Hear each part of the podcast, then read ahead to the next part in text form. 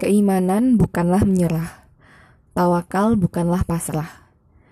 Iman kepada koda dan kodar dengan pengertian di atas adalah argumentasi untuk mementahkan anggapan sebagian orang-orang yang senantiasa bergelimang kemaksiatan.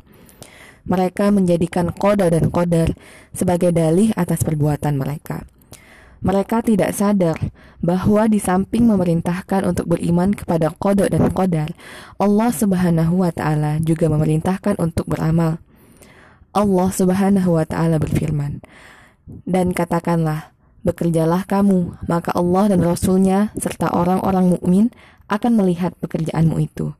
At-Taubah ayat 105.